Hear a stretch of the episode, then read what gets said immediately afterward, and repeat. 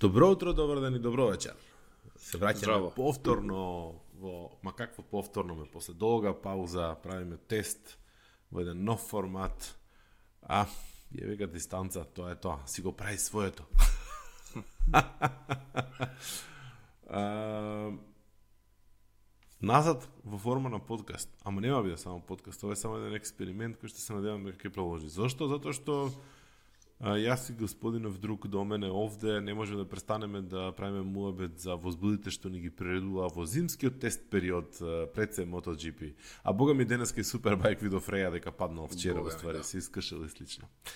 Ничо, добре дојде. Добро те најдов.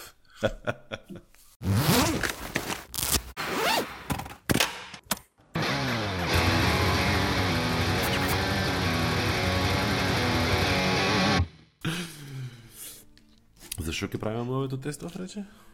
Што ништо, направо одма ми кажуваш кој ќе биде шампион наредна година и завршуваме. А, у MotoGP или у, или у овакво, или у Па, Супербајк? Ајде, неко иде, нека иде комплет и таму и таму. Комплет. А види, видов дека видов дека Развитоглу издоминирал со BMW на тест. Да. И некако ме стави у позиција, хм, као сите се сумневавме у BMW-то.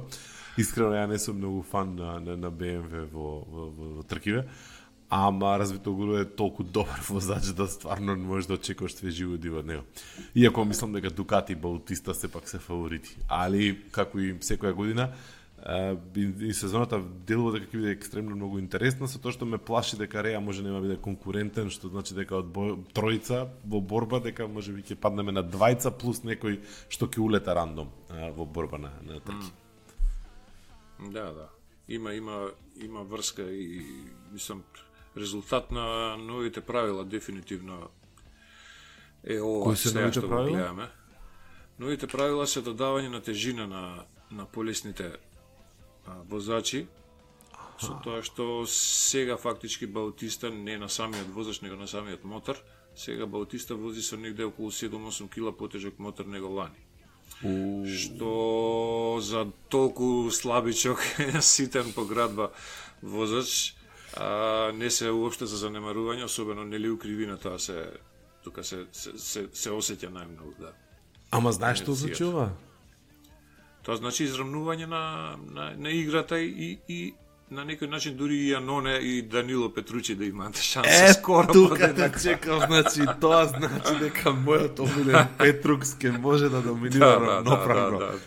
Тоа го сакам. Да, Јас сум, да, ја, е, ќе го убацам и него тогаш у, у, у, у Е, комбинација. Така, убаци го, Пошто- ја би го убацил и Јаноне дефинитивно, пошто а, човекот има што да докаже, нели отиде неславно заради допинг аферата, а, дремеше дома едно 4 години, сега се враќа у пуна форма и а, Филип Ајланд е негова коњак стаза, дефинитивно, ќе има што да покаже таму и ќе сака да се докаже и има добар мотор под него. Правилата му одат во прилог, така да ќе биде, ќе биде интересно. Е, добро, тоа значи дека може да очекуваме уште поизрамната борба оваа година во Супербајк. Како тоа е воопшто возможно? Веројатно многу повеќе Така. возачи да учествуваат во борба, а не само тројца како како лани. Да. У, видиш, година имав пропуштено овој момент со тежината. Али, Мисли му ја да. викендите како ќе си ги организираш оваа година. А шо као ќе организирам барем две трки Супербајк ќе одам да гледам. Тие што ми се у комши тука, што да ти кажам. Значи Да, више у да. календар се брцнати тоа, нема шанси да се пропушти. Така, така, така. Е па пушти ја нова патека во нова трка во Унгарија. Така. А, и мислам дека Дорно уствари експериментира со Супербајк за да види дали може на унгарците да им даде да им даде трка а, и во MotoGP, затоа што нема тоа толку многу брзо да биде. И а, мислам дека уствари барат некоја си у теорија замена за Брно, ако не се лажам. Така, така, да.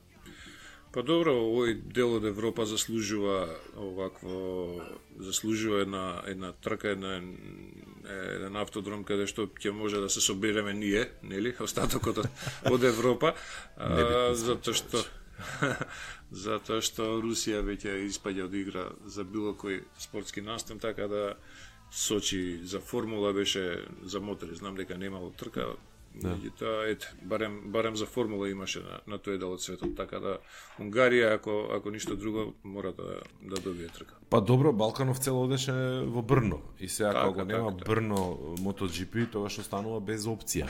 Така а, блиска ефтина опција, условно речено, мада да, Чешка беше беше ефтина опција. Така. А мене ми особено жал, пошто Брно ми е многу блиску. Ама што е тука, не е ни толку многу далеку ни, ни ова друго. А, MotoGP што правиме, како поминаат тестовите, а не следам баш нешто претерано многу. Чу, таму Дукати останува Дукати како и лани доминантен, а, со тоа што мислам дека конечно Енеа Бастијанини ќе биде од старт веќе конкурентен, затоа што на двата теста се покажа солиден. Со некоја резерва, нели? Немаме уште црно на бело со него, не, не се докажа лани, не, не имаше шанси човекот. Па да, со на прва трка повреда одма. Сериозно. е. Да, го собраат старт. А, главните играчи ќе бидат, како и предходно, Пеко и Мартин, дефинитивно. Го отпишуваш Маркез, да шо? А, не, Маркес не го отпишувам, имам дебела обклада за Маркес со нашиот пријател Миле Станчев. Аха. Он е Маркез фан, Овакво- така? Па не. Не, Напротив. а обратно. Да, Добро. обратно. А јас гледам да бидам колку што може реален, не, не се работи за симпатија, туку баш мислам дека човекот е, во, не мислам ја, него докажан вон сириски талент и дека можда ќе му требаат 3-4 трки максимум за да биде на ниво на, на најдобрите. Баш како што кажа на предходните тестирања во Малезија и Пеко тоа го забележа, вика е, во- го возиш Дукатито као Хонда, значи мора да излезе од систем 12 години возење Хонда за да знае како да се постави на моторот и да го извози како што треба. Многу, значи Така да, екстремно. и ова многу ми се екстремно многу ми се допадна овој момент го гледав по по Инстаграм, не знам кај беше, кај што Пеко му кажуваше на на на, Мар, на Маркез како да го вози Дукатито, да, да. значи Човече, Така така каков момент е тоа. Океј, исти И- и- и мотор, тоа- различни клуба, главни конкуренти, без сега што имаме, а не вака така, онака, мислам. Капа Така доле, така човече. Да, да, да. И, и затоа MotoGP мене ми е најдрагиот спорт на, на, на планетава Земја, затоа што мислам дека е на многу нивоа повисок од многу други екипни развикани спортови кои што палат и жарат по планетава, баш во поглед на интелектот и на таа клубска некоја атмосфера што ја има во, во спортот. Не, Па нема его play, тука. fair play, спортска атмосфера, пошто у принцип сите овие големи богати спортови го изгубија спортот во себе. Mm. А MotoGP очигледно без разлика што го нема оној ривалитет кој што го посакуваат Така, така, медиумите и, и нели мејнстримот за да а, се привлече поголема публика. А, нема таков голем ривалитет, нема таков некој ептен нели а, конфликт и Така. нели Роси коментираше на таа тема минатата минатата сезона. Да, ама времињата се сменија едноставно. Ама сепак без разлика што они се се супер другари, има тоа друга вредност, има вредност на моментот на окей, ајде да видиме кој е најбољи, ме свегаш, Така некој е, така најитар и најмудар и најербап или джамбас, него да видиме кој е стварно најдобар. Да, да, ако памтиш и Пеко до пред некоја година кога го прашува кои му се амбициите и каде се гледа себе си, он кажа дека не е доволно комплетен на ниво на Маркес се уште. Значи, сепак, они многу добро знаат каде се поставени на, на хиерархиски на, на целата таа гранка на лудилото со 350 на сат. Мислам, сосема најверојатно е друго гледањето на, на, на спортот. Таму е повеќе Пеко има две титули, Марк има 8. Да, мислам, пази да, да се плашиш на некој што има скршено рака и што вози со 33 степени изротирана коска, да му се плашиш дека Саксен ринг ќе тепа или у кота, знаеш, да се Да. уште да е. Така да, то, то, тоа е некој друго ниво, дефинитивно. Види, фактот дека можеби Марк не може да извади конзистентност таква како што може да извадат овие другиве, особено Пеко, а, низ целата сезона, меѓутоа па и фактот дека сезонава со со саботната трка е многу подолга него што била некогаш. Да. И да извадиш конзистентност а, континуирано на толку многу трки, на толку многу викенди, добро една скратија се нели откажа е, Аргентина, која беше што ја откажа? А, Аргентина ја откажа, да. да, и најверојатно уште некоја ќе се откаже, ама Да? Тоа ти што го кажа, да, тоа, тоа што го кажа ти е, држи вода и е, Маркес, например, влегува во една нова територија. Сите влегуваат, не само Маркес. Меѓутоа, Маркес као најстар има најмногу за прилагодување. И малце му се случува еден парадокс што му се случуваше и на Роси. Роси секогаш бркаше целта веќе нели на крај на кариерата. Последните 10 години он цело време бркаше нешто, бркаше промена на гуми, на електроника, на нови е, јунаци у класата и така натаму, нови стилови на возење. Значи сега него му се му доаѓа тоа тоа време, да кажам пред пензија што му беше на на Роси. Значи не е баш дека ти стално ќе бидеш најдобар, а другото дека нема да се смени, се менува и добро тоа го знае секако. Добро, интересно од тој аспект, пошто, например, не многу се зборува за тоа дека Маркес менува стил на возење, дека денеска mm. стилот на возење толку многу се разликува. Сега може би се детали, финеси, пошто Роси мораше комплетно од корен да смени Да. пристап на возењето, пошто Така е, така. младиве почнаа да клисаат, почнаа Да, да, да, да, се да. изместуваат, значи тоа беше комплетно различен стил. Сега барем има финеси, има детали, меѓутоа не е како стил во основата толку многу различен. Види кај кај Роси се сменија а, од двотакни 500 кубика машини на е, 990 па на 800 па на 1000 и така натаму до двотакни на 4 такни електрониката влезе у пол сјајн или со тракшн контролот. Производители на гуми смени најмалце два колку што памтам ако не и повеќе Така да тоа се огромни промени кај него, а овде е во прашање нешто што никогаш не било толку доминантно изразено кај моторите, аеродинамиката динамиката е страшен, страшна промена, вариабила. Мене ме нервира тоа. Се надевам дека ќе го скратат. А, и јас ги сакам оние старите мотори, што би рекол Кейси Стонер, сакам да прилизгува, сакам да имам контролата во дланка, а не у електронска кутија. Арно, ама не можеш да го забореш тоа што си го научил. Проблем е кај инженерите, тоа што го откриле, што го што го истражиле, да го заборават. Така да не знам кои правила треба да бидат поставени колку прецизно за да не биде вештачки на сила а, вратено назад а, тркањето, него да добие некоја си друга димензија. А, повторно тестовите Дукати изненадува најмногу или не? Гледав нешто имаше нека фешта На тестовите, Априлија, да, тоа. да, да, да, так, Во, така во и смисла на аеродинамика и на тестирање на аеродинамика правам обет, не на Аеродинамиката, да, ако ако збориме за аер- аеродинамика, дури Априлија и предначи пред Дукати, со тоа што е, Дукати како целосен пакет е нели се уште подобар. Uh, Алеш Еспаргаро не пропушта да, да се пожали на снагата на моторот и така натаму. Uh, Вињале се приказна за себе секогаш тука, никогаш до крај и така натаму. Он uh, Вињале се интересен момент ова предсезонско тестирање не е на прва позиција што е чудо за него, секогаш е шампион на, на тестирањата, утрка се губи. Па нека биде тоа нешто добро за него, нека биде обратно оваа година. Сепак е талент и он, брз возач е, меѓутоа никако да се комплетира за, за, за настапи на трка. Интересни ќе бидат јапонците, Honda и, и Yamaha. Интересни Заради- или тажни? Па, а, пази, бе- беше и Дукати тажен пред едно 10 години, ако памтиш. Беше. Да, и, и, и помалце од 10 години. Жут И кога за- беше. Да. и, за, и затоа дојдоа оние промени првични, кои што сега добија некоја еволуција, да кажам, револуција, еволуција, а, за да ги стигнат останатите, нели, јапонците доминираат 30 години уназад и вред, редно беше да не се фрлаат пари само за вртење кругови, него да се стигаат еден друг и тоа е нај, најпаметно решение дефинитивно. Овозможи му на послабија да се развие, доека не почне да победува, после да го бркаат и него.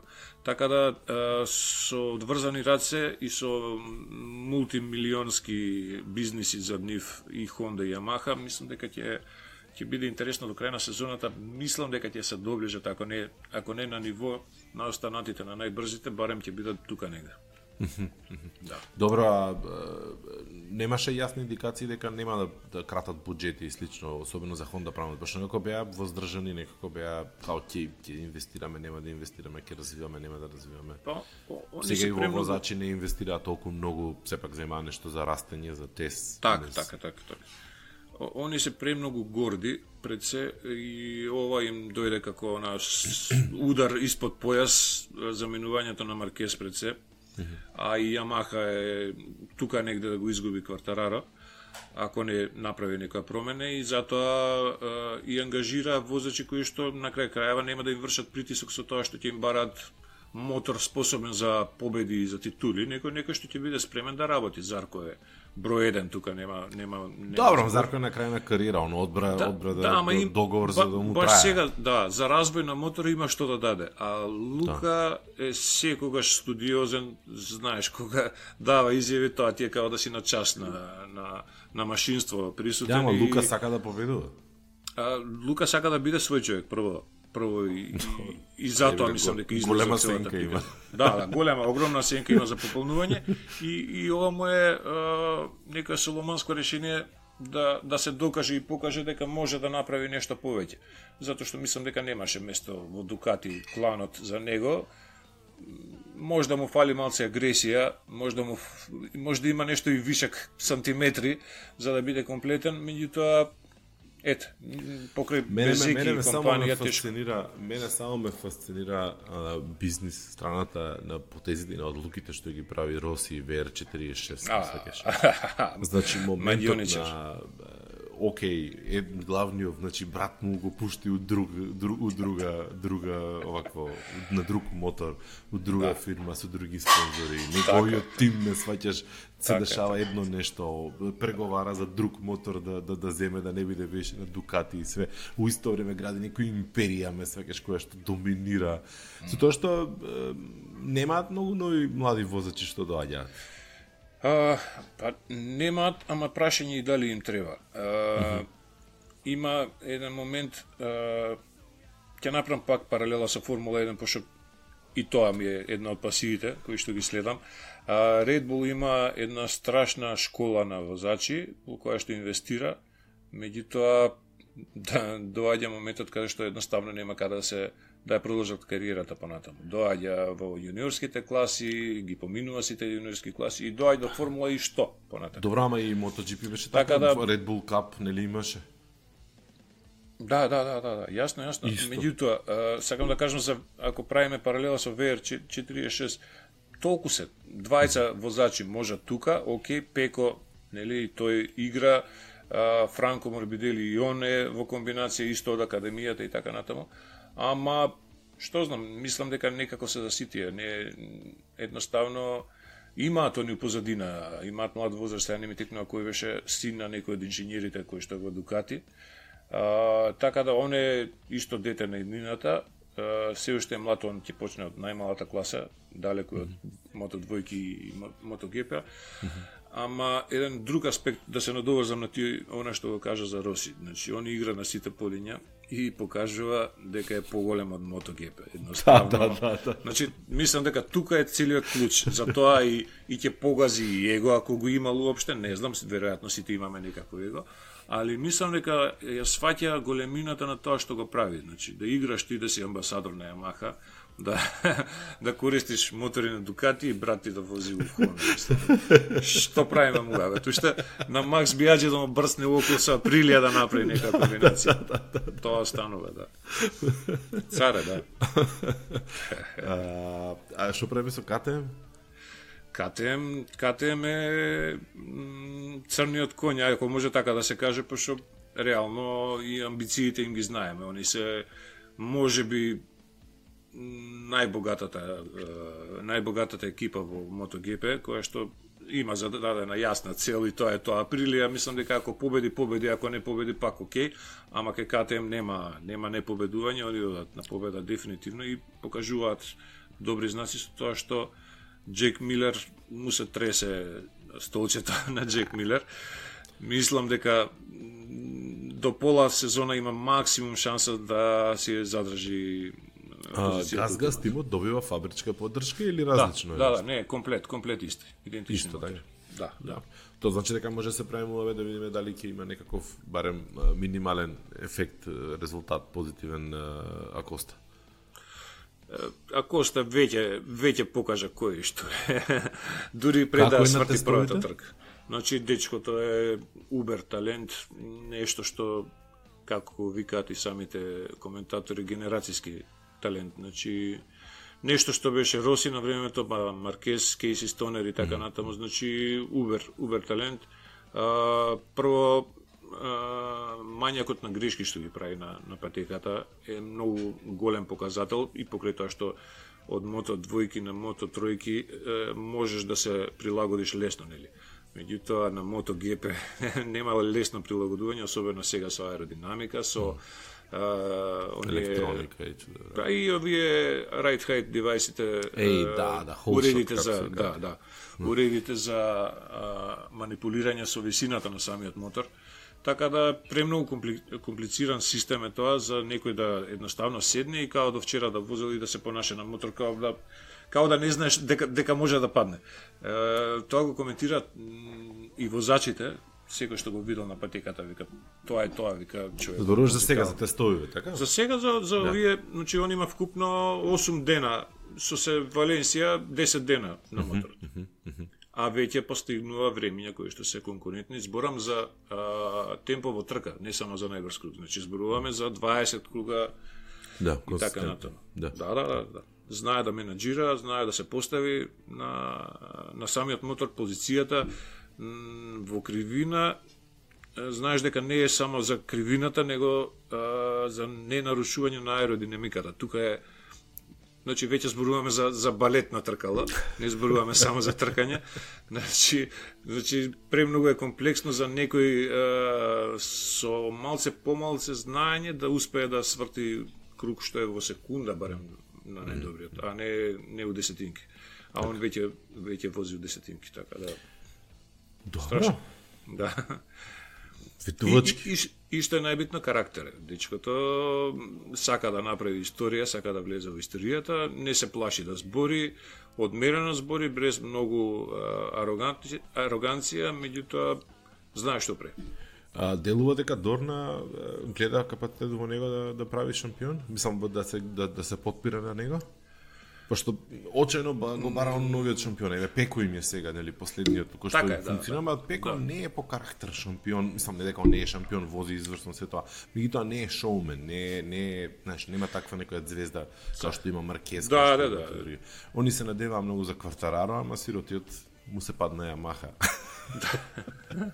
Да, Квартараро покажуваше, нели, такви некои, како да кажем, а, као рок-н-рол фраер беше у, у, да, да, да, капацитети и а, а, покрај тоа што не а, нема машинерија за го, да, да биде поддржано да не биде само од 15 место немаш да се правиш фраер нормално. А, он не, нема ни маневарски простор многу многу. Значи кај него е просторот за преоѓање во друг тим многу ограничен и, и тоа го кочи. А Коста тоа го кажува и на интервјуа, вика јас сакам да го вратиме оној стар сјај на MotoGP кога се Кошка, Бијаджи и Роси, па после Лоренцо и Роси, па Маркеси и Роси и така натаму. Значи, ја сваќа играта, знае што што привлекува публицитет, али пред се е фокусиран на возењето, за разлика од Јаноне свој време, кој беше повеќе надворот од патиките со сликање со манекенки, него што беше фокусиран на возењето. И он беше талент. па. Јас малце го нарушив мојот мојот мислам имиджот во мојата глава го наруши а, овој како се викаше вториот се Оли Оли А Јоне? Не, не, не, не, не, не, не, Лани што беше у MotoGP вторбе, леле, ми се блокираше. Мартин. А, јас плейбој, плейбој момент дека изиграваше Аха. нешто и он малце, мада изгледа не е тоа, он или барем го крие, ама еднаш му излезе и некако едно време Джек Милер го форсира, едно време и јужноамериканецов го форсира Дорна, ме сакаш да го прават звезда, ама пустите мора резултати да имаат, не е доволно само да Да, имаш харизма и се, сам Джек Милер е супер. А Дорна би била пресрекна кога он би имал врвни резултати и кога таков Да. лик ќе ќе ќе биде. Така. а, ќе биде на врв. Тешко се поклопуваат сите тие а, параметри во еден човек, нели? Некој може ќе биде добар возач као што е Пеко, некој ќе биде добар шоумен као што е Милер и така натаму, меѓутоа се да се собере во еден човек е малце Е, па од тој аспект мислам дека Коста може да биде баш она јасна убава иднина за за за Дорна. Мислам од по поглед на пари прави му Така е, за така е. возење не прави никој му тој друг му. Да. На него ќе му биде најбитно прво да се покаже на, на, на патеката, па после све друго само ќе си дојде. Ќе бидеш и порелаксиран и ќе можеш и да се смееш и така натаму да кажуваш се што ти стои на глава, никој да не може да ти забележи, као своевремено Кейси Стонер и, и Да. Роси и компанија. А, Така да. И уште една тема ќе отворам за крај да го завршиме тестов. Господ знае, може ќе го објавиме. Појме да. Мене ми се свиеше мојот, не верувам дека два пати ќе го направиме истиот. Па да, да. И нема ни крај овој мојот, да, така да. да, да. Може слободно. Прашањето е, е ако лани на пред почеток на сезона сите се плашевме дека Дукати ќе доминира многу и на некој начин и доминираше Дукати, меѓутоа не беше неинтересно. А, како е чувството оваа година? Uh, јас искрено се надевам дека нема да биде исто како и минатата година што се надевав дека нема да биде среќа и испадна дека не е до, до толку доминантен, да имаше uh, доминација на 20 возачи од, од тимот, меѓутоа гледавме и некои некои блесоци на, на останатите. Uh, да се надеваме дека ќе биде подобро минатата година, што има многу многу голема веројатност да биде подобар заради сите овие работи што ги кажавме предходно и за возачи кои што се во игра, ете и Маркес промени тим и тоа е е еден од фаворитите за титула, неминовно е како сака, нека е не победил една година, ми е гајле ако не победил. Ништо не, значи може и да седи дома една година, па пак да победи. Да. А, друго, заради правилата, заради новите концесии, мислам дека тука, тука ќе се измешаат бајаѓи картите исто така и е, мотивот. Пеко е веќе влезен во зоната на, на освојување титули. Мартин од друга страна е очен за фабрички мотори, он гарант прерипува наредна година некој друг тим. Очен за фабрички мотор во смисол на пари, предпоставам, пошто моторот е тој. Не, не, не само за пари, него за... Внимание, што? Внимание, престиж и докажување. Едноставно, јас сум заслужил а, третман на фабрички возач. Е, сега... Да, ама сакам да кажам дека не не му е тоа клучен момент за резултатот да биде подобар. Не, не, апсолутно, не, не, не. Дури дури мислам дека му е полесно во сателитски тим да растеретено толкав притисок како што е во фабричка, така да не гледам никаков минус тука за да биде победник оваа година, но ако зборуваме за наредната година, дефинитивно му е целта да промени тим. Mm -hmm. И веројатно КТМ би бил во игра нај, најверојатно, ако не го зезне Маркес. а, па, или Маркес, или ако оста се префрли у фабрички. Ако толку брзо може да се помести, пошто Тоа е тоа. Биндер ќе остане. Игра. Биндер ќе остане сега. сега. Да, да, Биндер им е златна кокошка дефинитивно. Да. Ама Милер Па имаше шанси минатата година многу добро тргна и иако е симпатичен лик, веројатно еден од најсимпатичните во целиот падок, не трпи овој бизнис.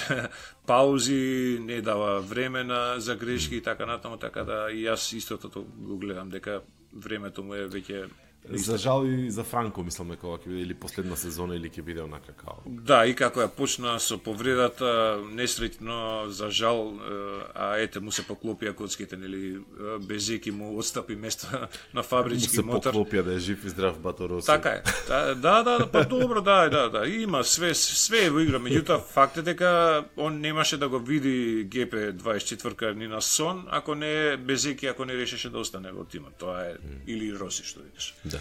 Така да, интересно, интересно, али веројатно е дека ќе се борат Дукати еден против друг, Дукати против Дукати. Добро, се дека има добра борба и се дека не знаеш од почеток на трка дека ќе издоминира Дукати како бренд, так, како так, како так. производител, тогаш е се окей. А мислам дека барем 2023 немавме такво чувство секогаш дека аха, добро, супер, сега знаеме Дукати во ќе изгазат и чао, пријатно ме секогаш.